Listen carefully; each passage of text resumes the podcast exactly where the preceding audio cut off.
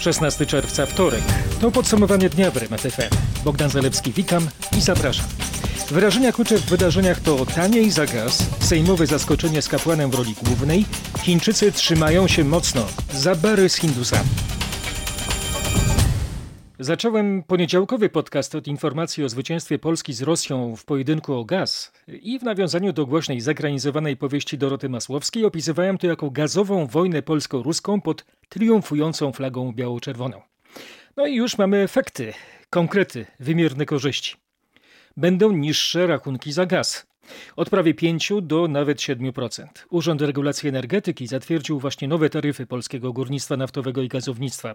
Krzysztof Berenda z redakcji ekonomicznej RMFFM ustalił, kiedy te nowe taryfy wejdą w życie. Już za dwa tygodnie, czyli od 1 lipca, obniżka będzie zauważalna, a jest m.in. efektem wygrania przez PGNiG sporu z Gazpromem przed Trybunałem Arbitrażowym w Sztokholmie. Rosjanie ten spór przegrali i musieli przestać zawyżać Polsce ceny gazu. A jaki skutek ma to dla nas? No widzimy to właśnie w tej obniżce. Jeżeli na przykład mamy gaz w kuchence, to rachunki spadną nam o niecałe 5%, czyli średnio rachunek będzie niższy o złotówkę.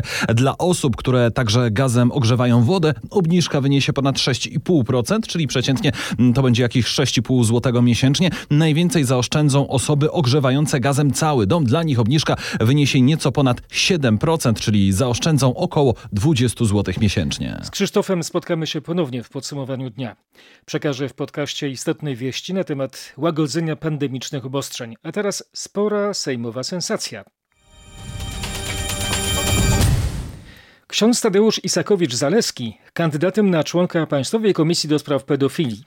Duchowny został zgłoszony przez posłów PSL, Kukiz 15 i Konfederacji. Znany jest z działalności w opozycji antykomunistycznej w latach 80. i nieprzejednanego stanowiska w sprawie lustracji w kościele i molestowania nieletnich. Nasi internauci mogą czytać jego blogowe wpisy na rmf24.pl. Zdaniem naszego dziennikarza Tomasza Skorego ksiądz Tadeusz Isakowicz-Zaleski może być problemem dla Prawa i Sprawiedliwości. Z jakiego powodu? Po pierwsze dlatego, że jego zaangażowania i stanowczości nikt nie może kwestionować. W najbliższym czasie Senat ma wybrać jednego, a Sejm trzech członków komisji. Opozycja podejrzewa, że PiS chce wykorzystać przewagę głosów i obsadzić wszystkie trzy miejsca należące do Sejmu. Posłom PiSu jednak bardzo ciężko będzie głosować przeciwko kandydatowi ludowców. Ten zaś zapowiada. Jeżeli bym został członkiem, zająłbym się sprawą pedofilii w kościele, bo to środowisko doskonale znam i wiem, jakie są mechanizmy i jakie są patologie i myślę, że to byłoby tylko dla dobra kościoła, żeby jak najszybciej te sprawy oczyścić. To jednak nie odpowiada raczej związanym z hierarchami kościoła politykom PiSu. Ksiądz Isakowicz-Zaleski wie o tym i szanse na wybór daje sobie minimalne. Zdominowanie komisji przez jedną partię już dziś jednak uznaje za blokowanie jej prac. A kogo jeszcze zgłoszono? W Sejmie według moich informacji kandydatem Koalicji Obywatelskiej będzie zajmujący się nauczaniem osób z zaburzeniami zachowania profesor Marek Konopczyński. Lewica zgłosiła kandydaturę mecenas Moniki Bućko, adwokata wielokrotnie reprezentującego ofiary pedofilii, a w Senacie największe szanse na wybór ma sędzia w stanie spoczynku profesor Agnieszka Rękas. Prawo i Sprawiedliwość nie ujawniło jeszcze swoich kandydatów na członków Państwowej Komisji do Spraw Pedofilii. Z całą rozmową Tomasza Skorego z księdzem Tadeuszem Isakowiczem-Zaleskim możecie się zapoznać na rmf24.pl. Znajdziecie tam komentarz do najnowszego ostrego sporu w polskim kościele, wymianie listów pomiędzy biskupem Edwardem Janiakiem a prymasem Polski arcybiskupem Wojciechem Polakiem. Zapoznajcie się z artykułem na ten temat. Szczegółowo opisujemy tę korespondencję, zdaniem księdza Tadeusza Isakowicza-Zaleskiego, bezprecedensową w naszym kościele. Mężczyzna podpalił się we wtorek przed Sejmem. 48-latek z oparzeniami trafił do szpitala na szeserów. Wcześniej ugasili go policjanci z pobliskiego patrolu i przechodnie. Nasz reporter Krzysztof Zasada rozmawiał ze świadkiem tego zdarzenia. Wziąłem bańkę wody, drugi kolega też wziął bańkę wody 5-litrowej i poleciliśmy tam. Wybiega za samochodu, patrzę, człowiek leży, już policja przy nim jest. Niecałe po dwa metry od niego ognisko się pali. Zaczęliśmy to z kolegą gasić, ale to benzyna, to nie dało rady, nie? I zdążyłem jeszcze usłyszeć, od, że ten, jak policjanci się go pytali, co pan robi, dlaczego pan to robi, to im odpowiedział, że w tym kraju nie ma sprawiedliwości. I powiedział to im dwukrotnie. Akcja ile trwała? 15 minut. Nie zdążył na szczęście tego do końca zrobić. Poparzył sobie tylko kratkę piersiową, miał wypaloną dziurę w bluzie. Był świadomy. Po jakichś tam, nie wiem, pięciu, może ośmiu minutach przyjechała karetka. Więcej o próbie samospalenia przed Sejmem przeczytacie na naszej stronie rmf24.pl. Na kolejne luzowanie ograniczeń koronawirusowych trzeba będzie poczekać co najmniej do połowy przyszłego tygodnia. Na razie rząd mówi o odmrażaniu stop, ustalili dziennikarze RMFFM. Krzysztof Brenda ponownie w podcaście. Jaki jest powód tej ostrożności? No dlatego, że rząd chce zobaczyć, jakie skutki przyniosło otwarcie granic, czy nie spowodowało to pojawienia się nowych ognisk koronawirusa. Po drugie, rząd chce poczekać kilka dni na to, żeby zobaczyć, czy niedawny długi weekend nie zwiększył liczby zachorowań. Polacy przecież masowo ruszyli na wypoczynek, jak gdyby nigdy nic. Świadczą o tym na przykład dane Generalnej Dyrekcji Dróg Krajowych i Autostrad, pokazujące, że ruch osobowy na drogach był tylko o 6% niższy od zeszłorocznego. Do tego na plażach, w parkach, w barach mało kto miał maseczkę, więc ryzyko rozprzestrzenienia koronawirusa jest spore. Rząd chce poczekać na konkretne dane. Jeżeli będą dobre, to innymi poluzowane mogą zostać limity osób w komunikacji miejskiej oraz limity dzieci w żłobkach i przedszkolach. Nie zostanie zamknięta żadna z 12 kopalń, które teraz funkcjonują w trybie postojowym w związku z epidemią koronawirusa. Zadeklarował to w RMFFM wicepremier Jacek Sasin w poradnej rozmowie z Robertem Mazurkiem. Proszę o jednoznaczną odpowiedź. Czy wszystkie z 12 kopalń, które zostały zamknięte, wrócą do pracy w takim samym wymiarze, jakim pracowały Tak, wcześniej? bezwzględnie tak. Krótko. I żadna z nich nie zostanie zamknięta. Nie zostanie. To jest jednoznaczna deklaracja. Znaczy, tylko, no bo teraz nie zostanie, no bo ja nie mogę mówić, co będzie za lat ileś. Kiedy słuchałem tej wypowiedzi wicepremiera Jacka Sasina, to przypomniało mi się zdanie z mojej dziecięcej lektury Zima Muminków. Wszystko jest bardzo niepewne i to właśnie mnie uspokaja. Tak można by streścić deklarację wicepremiera Jacka Sasina. Z ministrem aktywów państwowych rozmawiał Robert Mazurek. Zobaczcie całość, bo warto, zwłaszcza część internetową. Bardzo zabawna jest anegdota z Leninem oraz dyskusja geograficzna. Uśmiejecie się, zaręczam. RMF24.pl. A teraz już Śląsk, kopalnie i koronawirus na poważnie. Liczba potwierdzonych zakażeń na Śląsku ma spadać. Wyniki na dotychczasowym poziomie, jak twierdzi wiceminister zdrowia Janusz Cieszyński, mają się utrzymywać mniej więcej do końca tygodnia. Potem liczba potwierdzonych przypadków koronawirusa w całym kraju będzie już spadać, według wiceszefa resortu zdrowia. Nie mamy niepokojących informacji, nie mamy informacji o tym, żeby były miejsca, w których powinniśmy dokonywać jakichś intensywniejszych działań, czy to ze strony ministerstwa, czy to ze strony inspekcji sanitarnej. Zmieniającą się ciągle liczbę zarażonych możecie śledzić w naszym specjalnym raporcie na rmf24.pl. A co jeszcze zapowiada podwładny ministra zdrowia Łukasza Szumowskiego? Wiceminister Janusz Cieszyński podkreśla, nie ma żadnych planów, aby w jakimkolwiek województwie przywracać dotychczasowe obostrzenia sanitarne. Nie ma też powodów, by specjalnie zgłaszać jakieś uwagi do Państwowej Komisji Wyborczej przed zbliżającym się prezydenckim głosowaniem. Do wyboru głowy państwa 28 czerwca za chwilę wrócimy, ale wcześniej koronawirusowy komentarz na ten temat w naszym kraju, a zaraz po nim sensacyjne pandemiczne wieści z Rosji. Oto wyborcze pytanie, które padło w popołudniowej rozmowie Marcina Zaborskiego w RMFFM. Bardzo konkretne. Niecałe dwa tygodnie pójdziemy głosować w wyborach prezydenckich. Mm, Powinniśmy ze sobą zabrać własny długopis, Zdecydowanie akurat byłoby to najwygodniejsze, nie, bo nie liczyłbym na, na to, żeby od, ktoś odkażał akurat długopis, którym będziemy skreślać stosowne nazwiska. Doktor habilitowany Tomasz Dzieciątkowski nieustająco z nami. E, Panie profesorze, dzisiejszy raport Ministerstwa Zdrowia 407 potwierdzonych e, przypadków zakażenia koronawirusem, ponad połowa na Śląsku, znów na Śląsku. Kto jest winny temu, co się na Śląsku dzieje? E, tak naprawdę, jeżeli kogokolwiek można winić, e, to tylko i wyłącznie e, nas wszystkich. Jeżeli akurat jesteśmy ludźmi, którzy nie przestrzegają zasad kwarantanny, nie noszą maseczek, nie przestrzegają zasad higieny i tego dystansu społecznego, to trudno tutaj się dziwić, że wirus znajduje dogodne warunki do szerzenia się w społeczeństwie. Cały wywiad Marcina Zaborskiego jest na rmf24.pl. Przypomnę, że podcast zatytułowany Popołudniowa rozmowa w RMFFM czeka na wasze uszy na RMFon. Pewnie czekacie już na tę pandemiczną sensację z Rosji. Oto i ona. W Rosji badania kliniczne szczepionki przeciwko COVID-19 wchodzą w decydującą fazę. Zaszczepiona zostanie pierwsza grupa ochotników, donosi z Moskwy nasz korespondent Przemysław Marzec. Do badań przyłączył się resort obrony i to właśnie z armią związana jest pierwsza grupa ochotników. To między innymi wykładowcy wojskowych uczelni. Zdecydowałem się świadomie. Wiem, że nic się nie stanie. Kiedy badali szczepionkę przeciwko eboli, to była niewiadoma. Dla mnie to była. Nad tą szczepionką pracują specjaliści z Centrum Gamalei, którzy wcześniej wypróbowali ją na sobie, co wzbudziło kontrowersje. W Rosji niezależnie od nich nad szczepionką przeciwko koronawirusowi pracuje kilka innych ośrodków. Wtorek to był ostatni dzień na zgłoszenie chęci do głosowania korespondencyjnego. Aneta Łuczkowska sprawdziła, jak to się odbywało w Szczecinie. Druk pobrany, głosowanie widzę korespondencyjne. Ostatni dzień na to jest. No wiem, Dlaczego korespondencyjnie? no bo nigdzie nie jestem zameldowany i dlatego zobaczę, czy mi darzy. Chce pan zagłosować? No trzeba. Duża kolejka dzisiaj? Wie pani, teraz się wrzuca, ja w ogóle nie stałam w kolejce. Wziąłem wniosek, idę, wrzucam do skrzynki i koniec. Ogromna była mobilizacja Polonii w Holandii i Belgii. W obu krajach odnotowano rekordowe liczby rejestracji na wybory prezydenckie. Tam na głowę polskiego państwa można głosować wyłącznie korespondencyjnie, przypomina nasza dziennikarka Katarzyna Szymańska-Borginowa. W Holandii zarejestrowało się ponad 17 tysięcy Polaków, co plasuje ten mały kraj na piątym miejscu pod względem liczby zgłoszeń z zagranicy. W Belgii chce głosować ponad 10 tysięcy osób, czyli o połowę więcej niż 5 lat temu. W obu krajach działały polonijne sztaby pomocy z numerem telefonu, pod którym można było dzwonić, by dowiedzieć się na temat procedury rejestracji. W polskich sklepach rozdawano ulotki z apelem o wzięcie udziału w wyborach. Polacy w krajach Beneluxu obawiają się jednak, że będzie mało czasu na odesłanie karty wyborczej. Narzekają także na zmniejszenie liczby lokali wyborczych.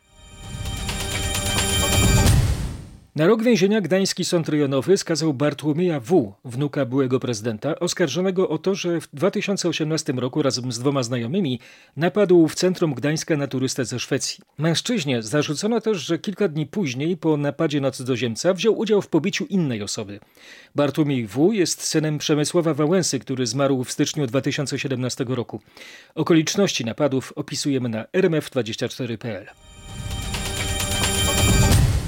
Nasz zakopiański reporter śledzi bardzo trudną sytuację, w jakiej znalazło się małżeństwo przewodników i ratowników tatrzańskich. W parę wjechał młody kierowca. Jak dowiedział się Maciej Pałachicki, panią Ewelinę czeka operacja i kilkumiesięczna rehabilitacja, która wyłączy ją z możliwości podjęcia pracy. Dramat rozegrał się w niedzielę. Na prostym odcinku drogi wjechał w tych dwoje ludzi rozpędzony kierowca samochodu osobowego.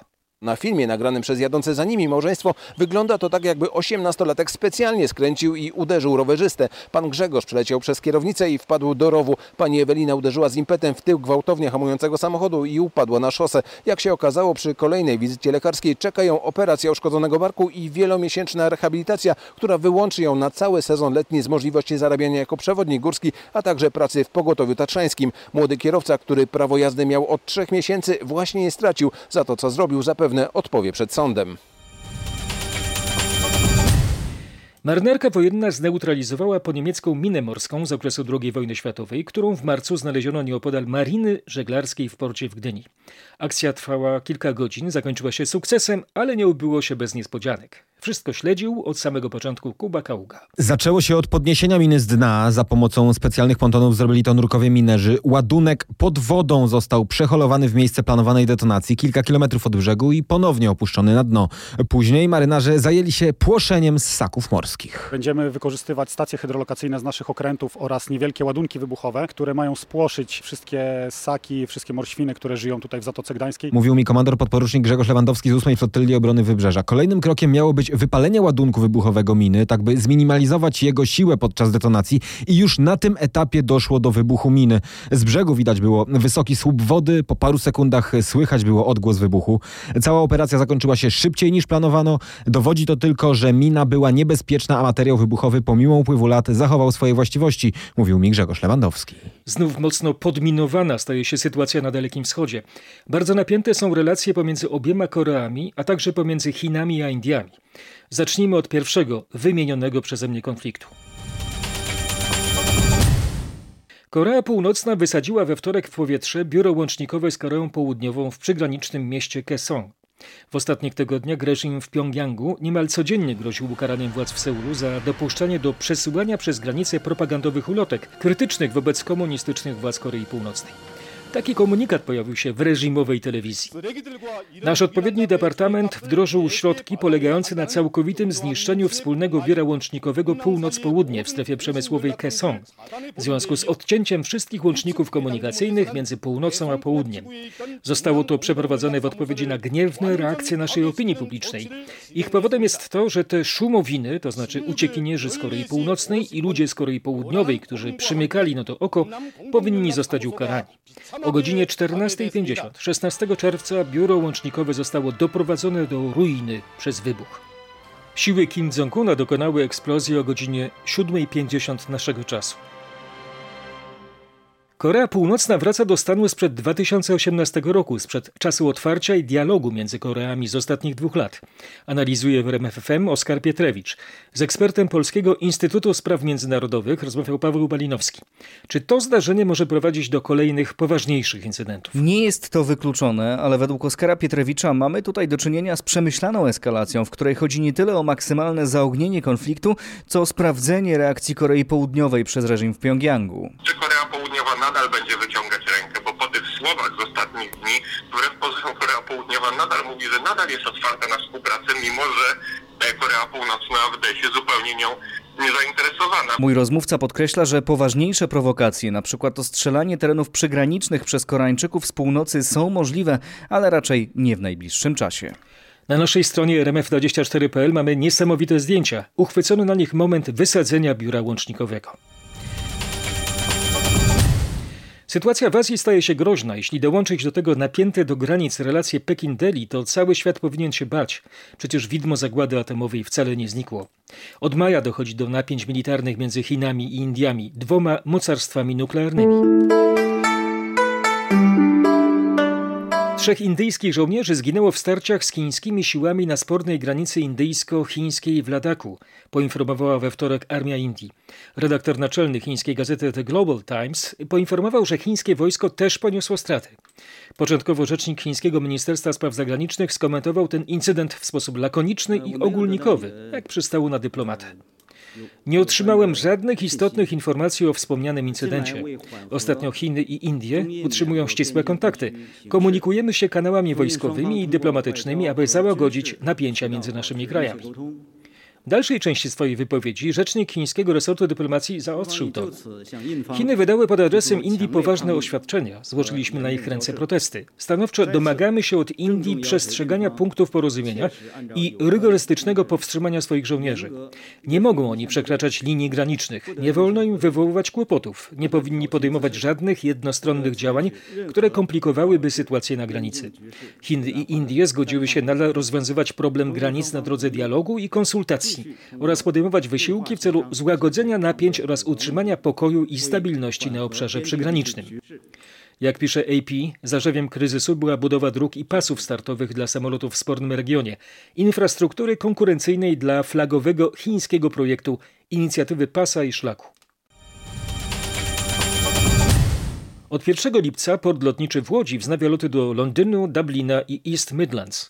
Środki bezpieczeństwa na lotnisku sprowadzają się do podstawowych zasad mierzenia temperatury, obowiązku noszenia maseczek, dezynfekcji i zachowania odpowiedniej odległości, zakomunikował Artur Frey z łódzkiego lotniska. Na pokładzie statku powietrznego po pierwsze są filtry powietrza, po drugie statek powietrzny jest dezynfekowany, po trzecie również nosimy maseczki. Ograniczenie, które póki co wprowadził tylko polski rząd na świecie, to jest możliwość zakupu tylko 50% miejsc. W ubiegłym tygodniu wystosowaliśmy apel o to, żeby znieść to ograniczenie, dlatego że z punktu widzenia ekonomicznego, ekonomiki lotu, no niewielu przewoźników będzie chętnych latać w tą tak zwaną szachownicę. Natomiast to i tak to latanie w szachownicę nie powoduje, że zachowujemy na pokładzie statku powietrznego social distance. Zmniejsza się za to geographical distance, odległość geograficzna do pięknego bułgarskiego miasta nad Morzem Czarnym. Od 7 lipca z Łodzi będzie można także polecieć do Warny. We wtorek pierwsze samoloty z zagranicznymi turystami wylądowały w Grecji. To miłe być pierwszą osobą opuszczającą samolot i prawdopodobnie pierwszą z całej Unii Europejskiej, bo nasz lot był pierwszy już o 5 rano mówił turysta ze Stanów Zjednoczonych, który dotarł do Aten przez Francję. Wszyscy goście przybywający do Grecji z lotnisk tzw. Tak wysokiego ryzyka są obowiązkowo badani na obecność koronawirusa. Pozostali tylko losowo. Oby los wszystkim sprzyjał. Po losowaniu Słowenia, Holandia i Turcja będą rywalami polskich piłkarzy ręcznych w eliminacjach do Mistrzostw Europy w 2022 roku. Paweł Pawłowski z redakcji sportowej RMFFM podpowie takim laikom jak ja, który rywal jest najgroźniejszy. Słowenia, z którą przegraliśmy nawet w tym roku podczas styczniowego Euro. Przeciwnicy ograli nas trzema bramkami i dotarli do półfinału, ale ostatecznie zajęli czwarte miejsce. Słoweńcy to też brązowi medaliści Mistrzostw Świata z 2017 roku. Eliminacje do Euro ruszą już w listopadzie. Awans uzyskają po dwa najlepsze zespoły z ośmiu grup i cztery najsilniejsze drużyny z trzecich miejsc. A teraz doniesienia z serii horrorów entomologicznych, mrożących krew w żyłach opowieściach o śmiertelnie groźnych insektach i rojach pustoszących całe połacie pól uprawnych. Były już stada wielkich szarańczy w Afryce, Indiach i Chinach, były wielkie szerszenie azjatyckie mordujące pszczoły w USA, czas na Francję. Alarm na francuskiej Rivierze powodem jest inwazja wielkich kleszczy wędrownych, które mogą być bardzo groźne dla ludzi. Co to za bestie? Posłuchajcie opisu. Głos ma Marek Gładesz. Kleszcze wędrowne mają czasami ponad 2 cm długości. Łatwo je rozpoznać dzięki pręgowanym pomarańczowo-żółtym odnóżom. Specjaliści alarmują, że często przenoszą one wirusa groźnej krwotocznej gorączki krymsko-kongijskiej. Te pajęczaki pochodzą z krajów tropikalnych, ale zadomowiły się już również na przykład w Hiszpanii. Każdego roku powodują też śmierć kilkunastu osób w Turcji. Władze francuskiej Riviery apelują do mieszkańców i turystów o zachowanie szczególnej ostrożności, odnoszenie zwłaszcza w lasach nakryć głów koszu z długimi rękawami i długich spodni oraz używanie środków odstraszających kleszcze. Sytuacja jak z filmu Grozy. Ciężko będzie chyba przelicytować to afrykańskie zagrożenie w Europie. Na aukcji Wielkiej Brytanii wystawiona zostanie niezwykła fotografia. Ukazuje górę lodową, z którą prawdopodobnie zderzył się Titanic. Weryfikujemy te informacje. Skąd wiadomo, że to ten lodowy kawał został uchwycony na zdjęciu? A może to jakiś kawał, jakiś głupi dowcip? Nasz londyński korespondent Bogdan Frymorgan przytoczy argumenty za autentycznością tego dokumentu. Fotografię wykonał kapitan statku SS Itonian, który dwa dni przed katastrofą Titanica przepłynął w pobliżu góry lodowej. Autor zdjęcia po dotarciu do Nowego Jorku wywołał film, zrobił odbitkę i zaznaczył na niej dokładne koordynaty, które odpowiadają miejscu, gdzie 40 godzin później słynny liniowiec zderzył się z górą lodową. W katastrofie tej zginęło ponad 1500 osób. Nikt z załogi ani z pasażerów Titanica nie robił zdjęć podczas ewakuacji statku. Tym bardziej ta fotografia jest cenna. Na aukcji może osiągnąć cenę nawet 12 tysięcy funtów. Dziewiczy rejs Titanica miał wyglądać tak. Z Southampton do Cherburga, potem Queenstown i Nowy Jork. Dobre ćwiczenie z geografii na maturalny egzamin, ale to dopiero w piątek, 19 czerwca. A we wtorek, 16, były testy z biologii oraz wiedzy o społeczeństwie. Na rmf24.pl oczywiście znajdziecie arkusze wraz z propozycjami odpowiedzi, przygotowanymi przez ekspertów portalu interia.pl. Nasza sieciowa społeczności zdobądź u nas tę wiedzę. Uff, była nerwówka, nerwówka rzecz jasna przez oskreską, ale już mają to za sobą. Ósmoklasiści, też oczywiście przez okreskowane, pisali egzamin z języka polskiego. Nasz lubelski reporter Krzysztof Kot od ósmej kibicował ósmoklasistom z podstawówki nr 2 imienia Jana Kochanowskiego. No, przed tym testem nie myśleli, że to będzie fraszka i lipa. Widzę trochę tacy chyba zdenerwowani, przestraszeni. Dobrze widzę, czy się mylę? No, trochę zestresowana jestem, ale w porządku. Ale w porządku generalnie, tak? Tak. Co byś chciała na egzaminie, żeby było? Rozprawka chyba, najbardziej. Panowie, elegancko, białe koszule, marynarki, eleganckie buty, no...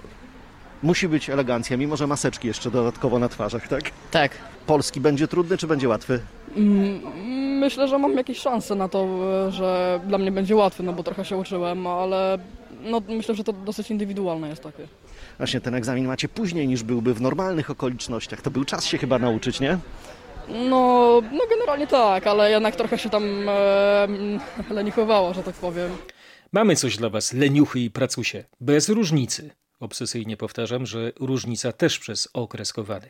Mamy dla Was arkusze z odpowiedziami z egzaminu ósmoklasisty z języka polskiego. Niektóre punkty testu były oceniane bardzo dobrze przez uczniów. Bardzo ciekawe zadania, bardzo na pewno mi przydatne w życiu będą. Czyli na przykład? Pisanie ogłoszenia było, tak. Sprawdziłem i znalazłem inne frapujące polecenie. Napisz przemówienie skierowane do koleżanek i kolegów, w którym przekonasz słuchaczy, że książki mogą być źródłem mądrości. No to już, Panie i panowie, Udowodnią to nasze dziennikarki z redakcji Faktów Kulturalnych. Najpierw Katarzyna Sobiechowska-Szuchta. Kasia udowodni, jakim źródłem wiedzy może być współczesna powieść. Przykład, nowa książka Zygmunta Miłoszewskiego, Kwestia ceny. To jest współczesna historia, choć zaczyna się na początku XX wieku w czasie sztormu na Morzu Czarnym. Benedykt wiezie ze sobą skrzynię z rzeczami, które z nieznanych powodów uważa za przeklęte źródło ta przygoda ma w przeszłości, w tej zagadce, kiedy właśnie postać nazywa się Benedykt Czelski, wraca z zesłania, przywożąc ze sobą coś, różne właśnie artefakty ludu Ainów. To jest lud, który żył na, na Sachalinie. To jest prawie w 100% Bronisław Piłsudski. Bronisław Piłsudski, czyli starszy brat marszałka, zesłany za jakieś niewinne w sumie spiski na Syberię jako młody student, został e, no, takim jednym z ojców założycieli etnografii. Jak opowiada Zygmunt Miłoszewski, współcześni bohaterowie postanawiają znaleźć skarb, wynajmują do pomocy Zofię Lorenz, którą część czytelników być może kojarzy z poprzedniej powieści Bezcenny. Pani Zofia jest historyczką sztuki, słynącą jako specjalistka od znajdowania rzeczy nie do znalezienia. Autor był dziś moim gościem i w dniu premiery będą niespodzianki. Premiera książki Zygmunta Miłoszewskiego Kwestia ceny już w środę. A teraz, panie i panowie, kolejne przemówienie do was. Malwina Zaborowska przekona słuchaczy, że książki mogą być źródłem mądrości, nawet popularne kryminały. Tak, z nowym thrillerem psychologicznym powraca Kamila Legberg, nazywana królową szwedzkiej literatury kryminalnej. Znamy już datę premiery jej nowej książki zatytułowanej Srebrne skrzydła. Ta ukaże się 16 września. Srebrne skrzydła to opowieść o kobiecej zemście, kontynuacja losów bohaterki znanej z poprzedniego kryminału Legberg, czyli Złotej Klatki. Była to najlepiej sprzedająca się książka w Szwecji w 2019 roku. W Polsce rozeszła się w nakładzie blisko 170 tysięcy egzemplarzy. Panie i panowie, teraz moje przemówienie. Posłuchajcie, ta zapowiadana książka to będzie dopiero źródło, nie wiem czy mądrości, może głupoty. Poza tym czyjej? Autora czy jej bohatera?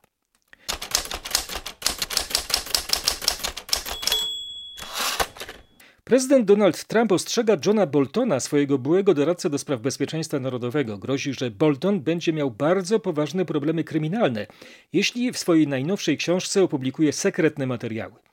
Trump nazwał to działaniem wysoce nieodpowiedzialnym i podkreślił, że uważa każdą rozmowę z Boltonem za ściśle tajną. Prezydent USA, przypomnę, rozstał się z doradcą do spraw bezpieczeństwa narodowego zeszłej jesieni. Oficjalnie podano, że panowie toczyli sporów wokół Iranu, Korei Północnej i Afganistanu. Pamiętnik Johna Boltona, zatytułowany The Room That Is Happened, A White House Memoir, Miał się ukazać na początku roku, ale rzekomo trzeba było przeprowadzić dodatkowe konsultacje. Ma być wydany 23 czerwca. Tak sobie pomyślałem, że to Wigilia Świętego Jana. Odbywają się wtedy rytuały słonecznego przesilenia. Czy dojdzie po tej książkowej premierze do przesilenia politycznego w Stanach Zjednoczonych? Poczekajmy na tę publikację. Y, na koniec tego wątku mała zabawna anegdota. Cytuje ją Michael Wolff w swojej głośnej książce Ogień i Furia, Biały Dom Trumpa. Historyjka dotyczy kulis nominacji Johna Boltona na stanowisko doradcy prezydenta USA. Czytamy tam, że problemem Boltona są wąsy. Trump był sceptyczny, bo uważał, że taki wąsacz nie wygląda wystarczająco poważnie, jak na to stanowisko. Ale to już stare dzieje, to taki kawał z brodą, żeby nie powiedzieć z wąsami. Pełne napięcia oczekiwanie w USA na książkę Boltona, e, a słynny reżyser Alfred Hitchcock mawiał: Film powinien zaczynać się od trzęsienia ziemi, potem zaś napięcie ma nieprzerwanie rosnąć. 16 czerwca to ważna data. Dokładnie dziś mija 60 lat od premiery Psychozy, słynnego dreszczowca w reżyserii Alfreda Hitchcocka. W pamięci widzów zapisała się scena morderstwa pod prysznicem i towarzyszący jej motyw muzyczny. Muzykę do filmu napisał Bernard Herrmann. W filmie wystąpili m.in. Anthony Perkins i Janet Lee. Film miał cztery nominacje do Oscara, ale we wszystkich przegrał, w tym w kategorii najlepszy reżyser. Statuetkę otrzymał wówczas Billy Wilder za film Garsoniera. Mimo to to właśnie Psychoza uchodzi za największe dzieło w dorobku Hitchcocka. Psychoza. Film jest horrorem, ale nie jest to prostacka, wulgarna, krwawa jadka. Nie zapomnę końcówki, swego rodzaju naukowego wykładu, na czym polegał obłęd głównego bohatera. Psychika człowieka to wielka zagadka, mimo wiedzy, którą gromadzimy na jej temat i nowych metod badawczych. Ostatnie dwa tygodnie były na Twitterze najsmutniejsze w historii tego portalu społecznościowego. Przekonują matematycy z University of Vermont. Z ich doniesieniami zapozna nas Grzegorz Jasiński, przypomnę autor podcastu Naukowo Rzecz Ujmując, a teraz opowie nam, o czym świadczą analizy uczonych pokazują, że połączenie światowej pandemii koronawirusa z falą protestów po zabiciu przez policjanta afroamerykanina George'a Floyda doprowadziło do bezprecedensowego spadku nastrojów użytkowników Twittera. Jak informuje czasopismo Nature, w ciągu ostatniej dekady taka sytuacja nie ma precedensu. Owszem, po jakichś dramatycznych wydarzeniach czy śmierci znanych artystów spadki były, ale utrzymywały się nie dłużej niż dzień czy dwa. Teraz trwało to dużo dłużej. Jak udało się to zbadać? Matematycy monitorują emocje na Twitterze z pomocą programu zwanego hedonometrem. Pozwala on na losowy wybór 10% tweetów z danego dnia i ocenę ich pod kątem emocji osób, które je publikowały. Emocje pokazują pozytywne lub negatywne słowa, które się w nich pojawiają. Zobaczcie te wahnięcia nastroju na rmf24.pl. A propos pesymistycznych tweetów w USA na temat napiętej sytuacji w kraju, przeczytałem we wtorek super pesymistyczny. Ktoś wlał toksyczny wybielacz do szejków trzem policjantom w barze w Nowym Jorku. Do incydentu doszło na Manhattanie, w lokalu należącym do sieci Shake Shack. Firma od razu zareagowała na tę szokującą sytuację, podkreślając, że w pełni współpracuje z policją w śledztwie. Funkcjonariusze zatruli się, bo początkowo nie zorientowali się, co piją. Na szczęście nic poważnego im nie grozi. W twicie policji czytamy komentarz. Kiedy policjanci z Nowego Jorku nie mogą nawet zjeść posiłku, żeby ktoś nie przypuścił na nich ataku, o jasne jest, że środowisko, w którym pracujemy, pogorszyło się do poziomu krytycznego. Nie możemy sobie pozwolić nawet na chwilowy brak czujności. Wracam jeszcze myślą do tego, o czym mówił przed chwilą Grzegorz Jasiński. Mam jeszcze jedną pesymistyczną wieść, ale spokojnie będzie happy end. Cierpliwości. Coraz więcej badań wskazuje, że samotność może być związana z szeregiem problemów zdrowotnych. Czytam na portalu CNET.com. Zagrożenie to spotęgowała oczywiście izolacja w czasie pandemii koronawirusa, ale są na to sposoby. Radę ma dla nas Scott Kelly, astronauta z NASA, który spędził w kosmosie 340 dni. Oto co napisał w artykule dla New York Timesa. Utknięcie w domu na dłużej może być trudne. Kiedy mieszkałem na Międzynarodowej Stacji Kosmicznej przez prawie rok, nie było to łatwe. Kiedy szedłem spać, byłem w pracy. Kiedy się budziłem, wciąż byłem w pracy. Latanie w kosmosie jest prawdopodobnie jedyną pracą, której absolutnie nie możesz rzucić. Ale podczas mojego pobytu nauczyłem się kilku rzeczy. Co radzi nam kosmonauta? Y, postępuj zgodnie z harmonogramem, realizuj nawet najdrobniejsze plany. Scott Kelly przywołuje kosmiczny przykład. Pięć minut zajmowało mu doglądanie kwiatów, które posadził w ramach naukowego eksperymentu. Poświęć też trochę czasu na własne przyjemności. Scott w kosmosie obejrzał dwa razy wszystkie odcinki Gry o Tron, swojego ulubionego serialu. Prowadź dziennik. Kelly robił to niemal codziennie. Spróbuj opisać to, czego doświadczasz za pomocą pięciu zmysłów. Czy nie jest to przepis na nasz podcast? Codzienny pamiętnik z wypełnionym harmonogramem dnia, większymi i małymi sprawami, z odrobiną przyjemności oraz przykładami hobby. Tak przynajmniej się starałem. Z wielką pomocą moich radiowych przyjaciół. Nazywam się Bogdan Zarewski. Dziękuję bardzo za uwagę. Zapraszam Was do słuchania i subskrybowania tego podcastu. To było podsumowanie dnia w RMFFM.